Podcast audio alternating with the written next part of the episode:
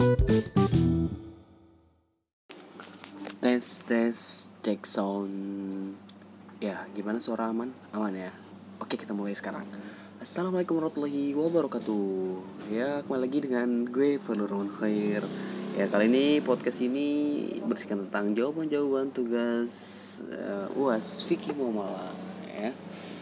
Oke pada kali ini gue akan menjawab tentang uh, apa itu saham syariah dan reksadana syariah dan bagaimana tinjauan fikih muamalahnya. Ya, oke. Okay. Kita mulai dari saham eh, syariah terlebih dahulu. Ya, oh ya, saham saham syariah dan eh, reksadana syariah ini adalah termasuk produk-produk dari jasa pasar modal ya syariah ya. Nah, yang pertama adalah saham syariah. Ya, secara konsep saham merupakan surat berharga bukti penyertaan modal kepada perusahaan dan dengan bukti ini, eh, pemegang saham berhak untuk mendapatkan bagian hasil dari usaha perusahaan tersebut. Nah, gitu ya. Um, nah, berdasarkan uh, apa namanya konsep tadi, uh, penyertaan modal dan hak bagi hasil usaha ini merupakan konsep yang tidak bertentangan dengan syariah.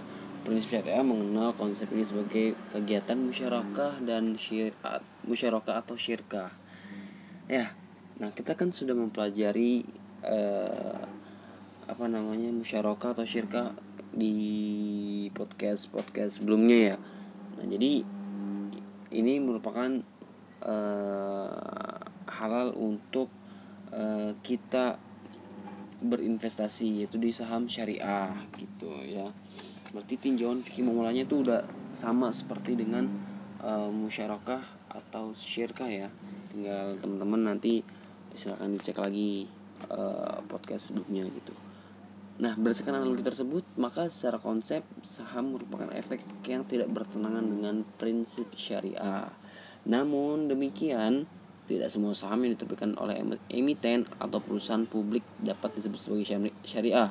Suatu saham dapat dikategorikan sebagai saham syariah jika saham tersebut diterbitkan oleh pertama emiten atau perusahaan publik yang secara jelas menyatakan dalam anggaran dasar bahwa kegiatan usaha perusahaan tersebut sesuai dengan prinsip syariah ya atau yang kedua perusahaan publik yang dinyatakan dalam anggaran dasarnya bahwa kegiatan perusahaan publik tersebut tidak bertentangan dengan syariah di pasar modal namun memenuhi kriteria sebagai berikut yang A tidak melakukan kegiatan usaha sebagai berikut. Yang pertama, perjudian, perdagangan yang dilarang, terus jasa keuangan ribawi, jual beli risiko yang mengandung ketidakpastian dan atau kita sebut dengan judi ya.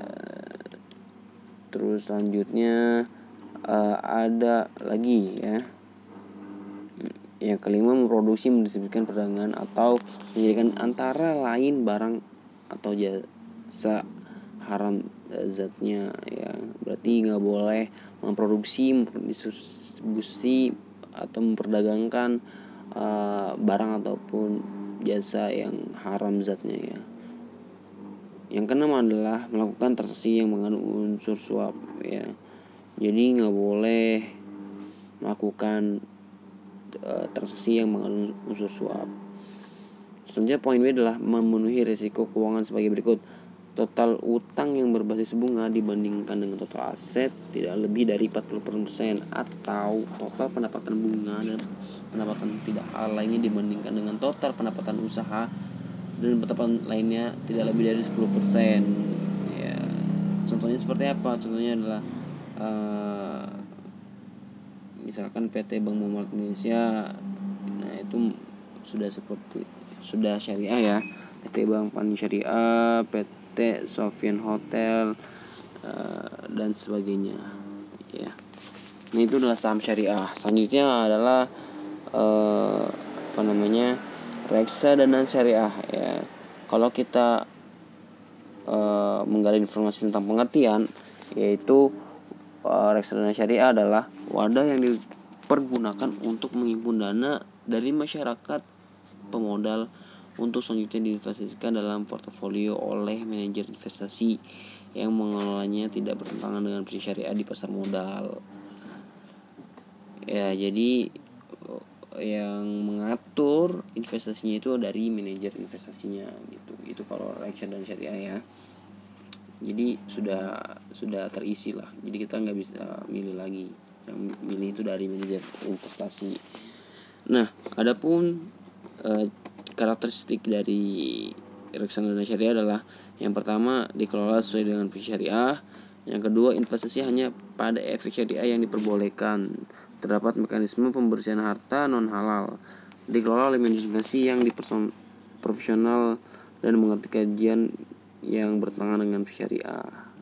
Gitu, teman-teman. So, jadi saham syariah dan reksadana syariah itu bisa kita investasikan di dalamnya ya kalau tadi saham kita bisa milih nih PT mana yang bisa kita uh, investasikan ya yang penting sesuai dengan syariah. Yang tadi poin-poinnya sudah saya sampaikan. Nah kalau dana syariah itu ada manajer investasi. Nah dia itu yang mengelola dana kita untuk diinvestasikan ke mana saja gitu. Sekian dari saya. Wassalamualaikum warahmatullahi wabarakatuh